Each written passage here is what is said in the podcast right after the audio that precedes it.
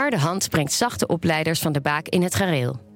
Winstgevendheid stond niet voorop bij trainingscentrum De Baak, waar generaties Nederlandse managers hun zachte vaardigheden ontdekten.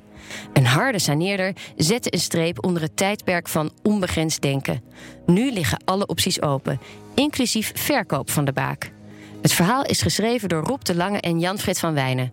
U hoort nu Rob de Lange. Winstgevendheid stond niet voorop bij trainingscentrum De Baak, waar generaties Nederlandse managers hun zachte vaardigheden ontdekten. Een harde saneerder zette een streep onder het tijdperk van onbegrensd denken. Nu liggen alle opties open, inclusief de verkoop van De Baak. De vonken spatten er niet bepaald vanaf als de Baak, leerschool voor de Nederlandse managementelite, op 27 november 2018 een persbericht de wereld instuurt.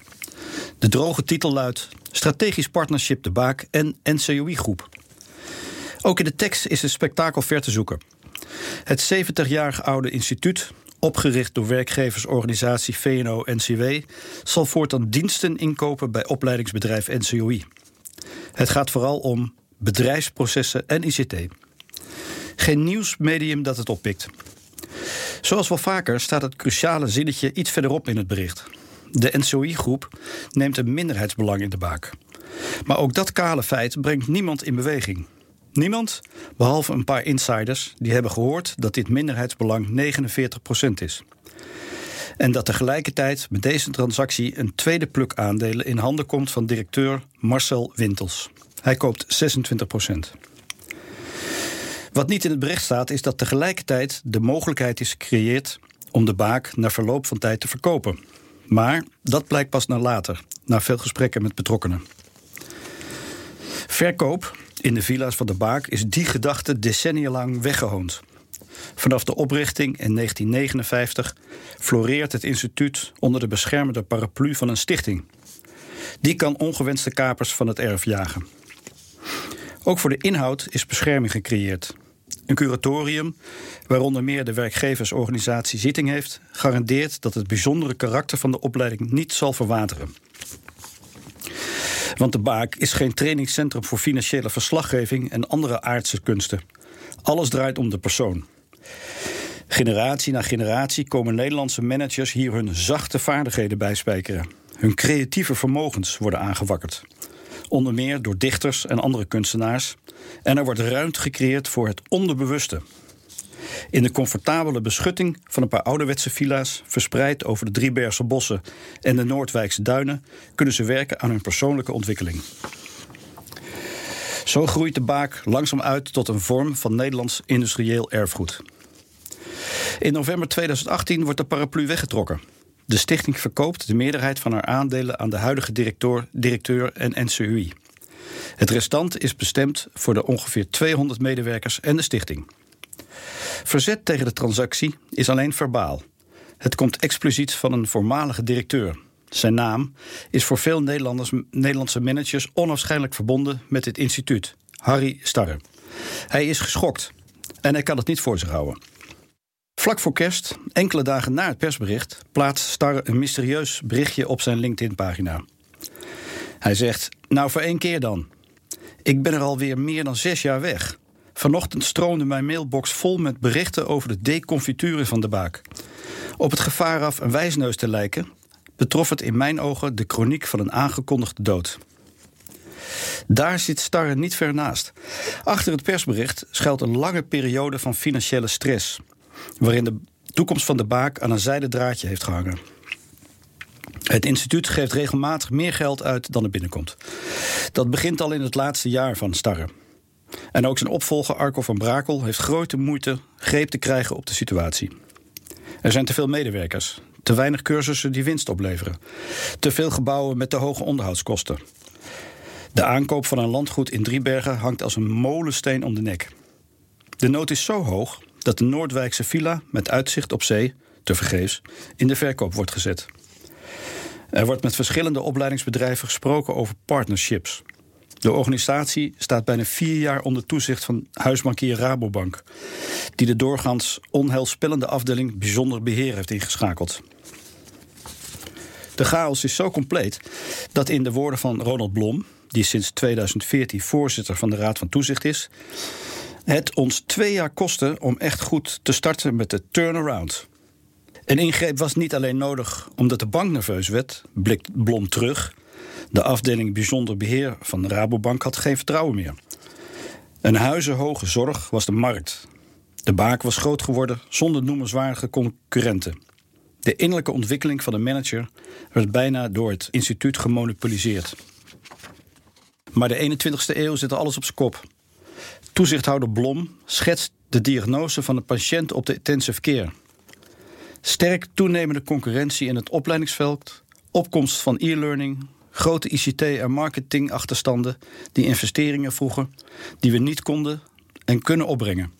En een landgoed dat onverkoopbaar was, maar wel bleef bloeden. Al dus Blom. Steven Schuit, lid van het curatorium van de Baak en voormalig commissaris bij onder meer voedingsgigant Numeco, schetst een even grimmig beeld van het spelveld. Hij zegt: De bedrijfstak is sterk gecommercialiseerd en competitief. Er zijn buitenlandse spelers actief, zoals Insiat en Vlerek. Bij de Baak stond altijd de persoonlijke ontwikkeling centraal, niet het leren. Er heerst een dwarse cultuur. Dat was niet meer houdbaar. Pas in 2016 komt er verandering in de financiële neergang. Marcel Wintels, die naam heeft gemaakt met de grote schoonmaak van onderwijsinstellingen Fontis en Amarantis, probeert als interim manager te redden wat er te redden valt. En dat lukt.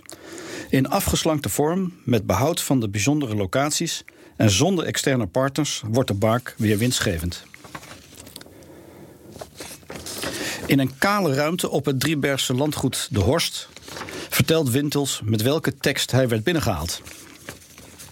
Marcel, zei de voorzitter van de Raad van Toezicht, wil je snel komen? Liefst volgende week. Alles is bespreekbaar. Verkoop van beide locaties, partnerships, reorganisaties, zolang de baak maar in veilige haven wordt gebracht. Wintels besluit dat hij geen voorbarige partnerships wil. Geen verkoop van locaties. Eerst de bedrijfsvoering aanpakken. Hij zegt: De Baak is een fantastisch leerbedrijf met een ongeëvenaarde reputatie. Ik was ervan overtuigd dat we de cijfers weer konden laten kloppen, zonder onze zelfstandigheid op te geven. Hij brengt het aantal trainingsprogramma's terug van 65 naar 20 en neemt afscheid van 60 van de 250 medewerkers, inclusief het negenkoppige management.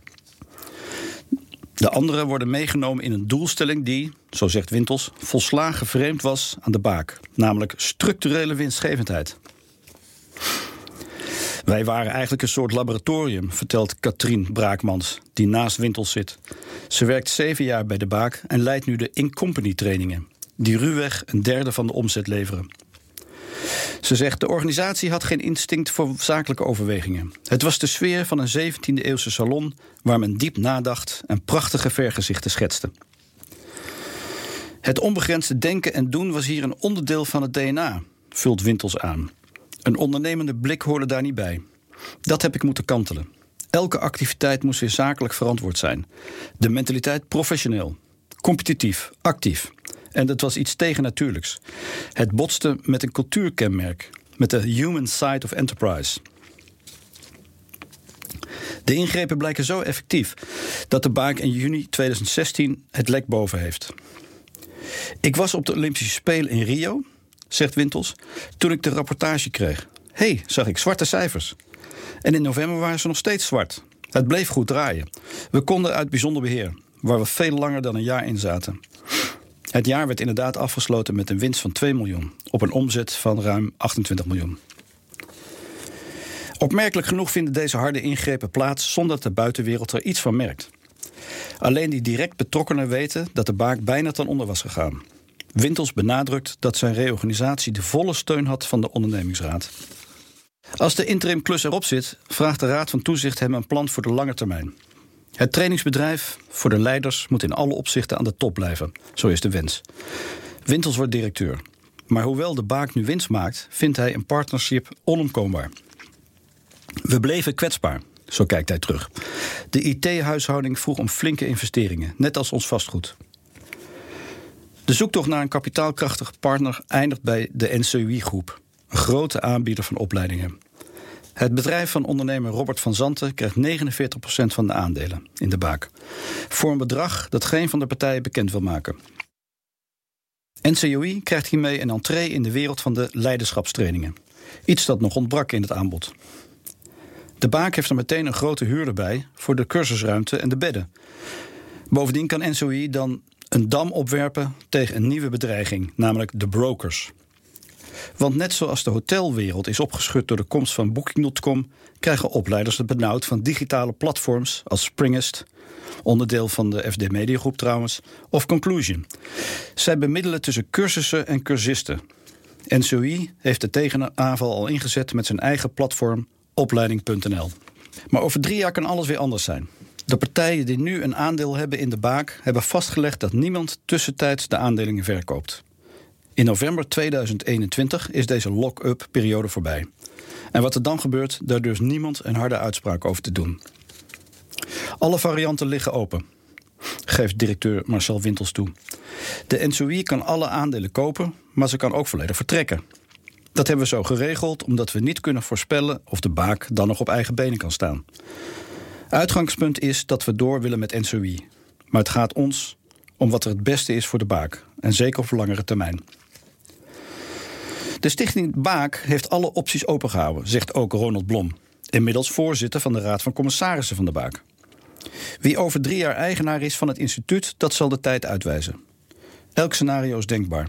Ook het scenario om over enkele jaren weer 100% van aandeelhouder te worden. In elk geval, zegt hij, houdt de stichting een vetorecht over elke transactie van aandelen. Jacques Schraven, voorzitter van het curatorium van de Baak en voormalig topman van Shell, is ervan overtuigd dat de toekomst is veiliggesteld. We hebben contractueel vastgelegd dat NCOI de eigen traditie van de Baak blijft erkennen. En Robert van Zanten, eigenaar van NCOI, zegt: We hebben volledige flexibiliteit gecreëerd. Voor Steven Schuit, lid van het curatorium en eerder bestuursvoorzitter van Stichting De Baak, zal de markt uitwijzen hoe dit allemaal afloopt. Hij zegt: Als blijkt dat de baak geen bestaansmogelijkheid heeft, dan moet het verdwijnen. Dat is ook niet erg. Dat is een normale ontwikkeling. De man die eind vorig jaar zijn LinkedIn-gemeenschap wakker schudde met het overlijdensbericht van de baak, namelijk oud-directeur Harry Starre, betreurt niettemin het einde van een tijdperk. Het lot van de baak ligt in handen van een stichting zonder winstoogmerk. Dat idee is in zijn ogen volledig verdampt. Misschien zie ik spoken, zegt hij. En is dit de beste oplossing voor de baak? Maar het is ook een teken van de tijd. De waardering voor het belang van een stichting verdwijnt. Het mooie aan een stichting is dat het niemands bezit is. Het is maatschappelijk kapitaal. Dat mag je nooit ontvreemden.